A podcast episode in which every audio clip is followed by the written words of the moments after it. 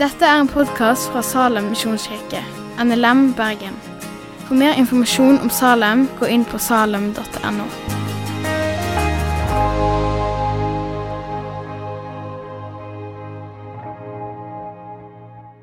Jesus kom til Jeriko og dro igjennom byen. Der var det en mann som het Sakkeus.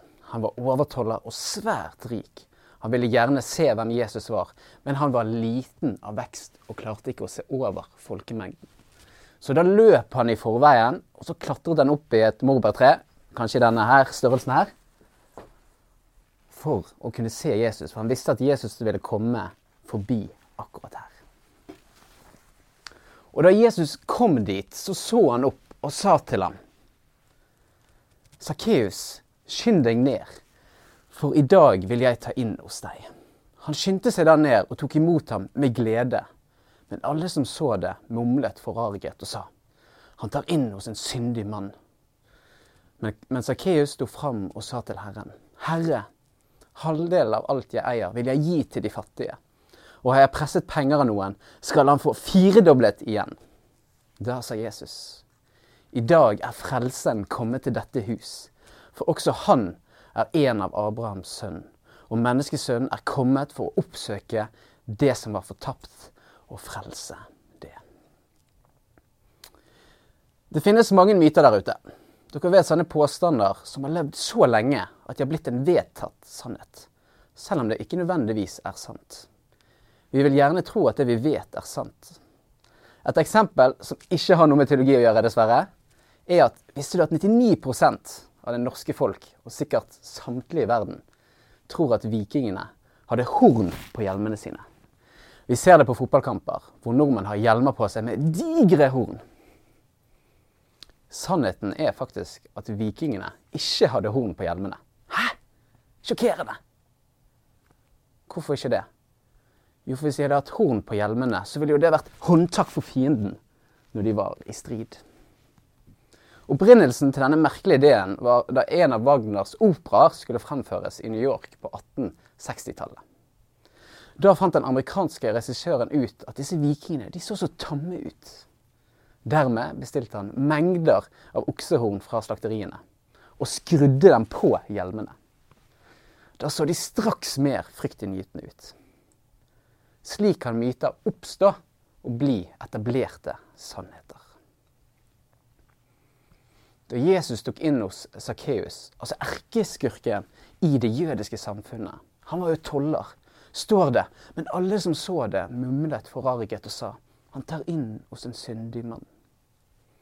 Jødene levde også i mytenes verden og trodde på usannheter, nemlig at Gud i himmelen var tilfreds med deres ytre, og at Gud ikke hadde noe til overs for dem som ikke passet inn i det gode selskap. De trodde Gud tenkte som et menneske. Men Jesus lærte dem noe annet.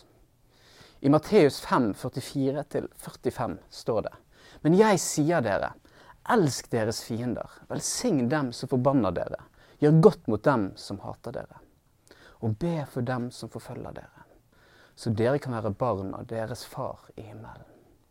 For han lar sin sol gå opp over det onde og gode og lar det regne over dem som gjør rett, og dem som gjør urett.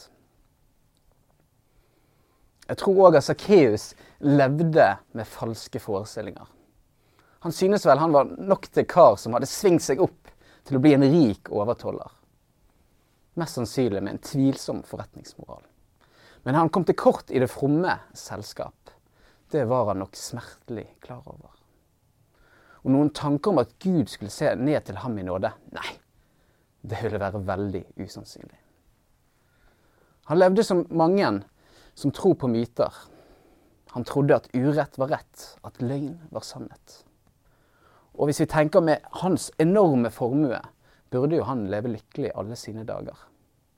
Men så kommer altså Jesus og blir med ham hjem. Og med det snur opp ned på Sakkeus sine forestillinger. Han skjønte plutselig Gud er glad i meg. Det som skjedde, var at Sakkeus ble satt fri. I USA ble jeg fortalt en historie om en, en som het William. William var en tidligere gangster som hadde mange tatoveringer og svære muskler. Og han hadde nettopp tatt imot Jesus. Og han fortalte at han begynte i en stor kirke i USA. Her var han på hver gudstjeneste. Hilste på folk. Han var med i vertskapsteamet. Men han ble aldri inkludert i fellesskapet. Han skilte seg så mye ut fra resten av menigheten. Han hadde tatoveringer, arr, store muskler. Så når pastoren der inviterte til dåp, og siden William ikke hadde døpt seg, så ble han med. Han døpte seg. Og etter dåpen så trodde han at han endelig kunne bli med i kirkefamilien. Men det samme skjedde. Folk bare hilste på ham, og det ble med småpratingen. Dette gjorde at William gikk tilbake til gjengmiljøet han var en del av. Siden her var det dessverre mer family feeling enn i kirken. William ble uglesett. Han ble ikke invitert til livene til menneskene som utgjorde kirken. Han var på mange måter som Sakkeus. Av og til så tror jeg vi som fellesskap kan gjemme, glemme Jesus. Istedenfor å være mer lik som vår skaper, har vi mer fokus på oss selv, våre liv og våre venner. Vi er flinke til å opprettholde en fasade. Jeg tror av og til så er vi lik jødene som mumlet forakt. Hvorfor tar Jesus inn hos en synder? En toller? Og ikke oss perfekte mennesker som går i kirken hver lørdag eller søndag. Og Jeg tror dette leder oss til vår tidens største myte om kirken. Det individualistiske, egoismen. At det handler om oss selv. Kan det være at vi bryr oss mer om Instagram-bildene vi legger ut, Snapchaten vi sender, Tinder-profilen vår, enn det indre? Kan det være at Kirken har stagnert fordi det handler om fasaden, ikke vår skaper? Hvilke myter tror du på om deg sjøl? Andre? Kan det være at vår norske kultur har formet oss så mye at vi egentlig kun har fokus på oss selv? Kan det være at vi som disipler tror at evangeliet i hovedsak er vår historie med Gud. Vår historie med Gud. Dette er faktisk en myte. For sannheten er at det er Gud sin historie med oss.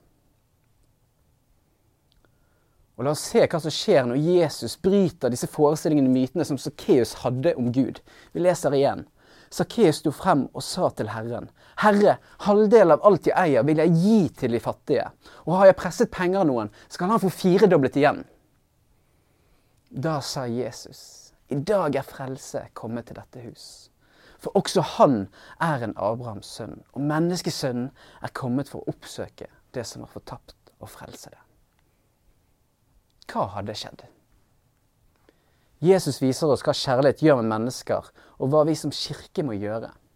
Se de svake og gi de Jesus. Så vet jeg at disse tingene som kjærlighet fort kan bli litt abstrakt. Og heldigvis så gir Jesus oss et praktisk tips. Han ble med Sakkeus hjem og delte måltid med ham. Mitt slag, eh, slagord, kanskje litt flåsete, men måltid er fellesskap. Jeg tror det er viktig som forsamling at vi må begynne i det små. Invitere på middag, spise sammen, bruke tid på hverandre. Vise hverandre nåde og se potensialet i menneskene rundt oss. Med andre ord se hele mennesket. Vi må huske at det fins flere William Sakkeus der ute som Jesus har kalt oss til å elske. Vi som kirke er kalt til å være Jesus sine hender og føtter i denne verden. La oss legge vekk myter og gå i sannheten. Og Med det så leser vi Herrens velsignelse. Må Herren velsigne deg og bevare deg. Må Herren la sitt ansikt lyse over deg og være deg nådig. Herren løfte sitt åsyn på deg og gi deg fred. Gå i fred og hvil i Herrens nåde. Takk for at du har hørt på podkasten fra Salem, Bergen. I Salem vil vi vinne, bevare, utruste og sende. Til Guds ære. Vi ønsker å se mennesker finne fellesskap, møte Jesus og bli disippelgjort her i Bergen og i resten av verden. Vil du vite mer om oss, gå inn på salem.no.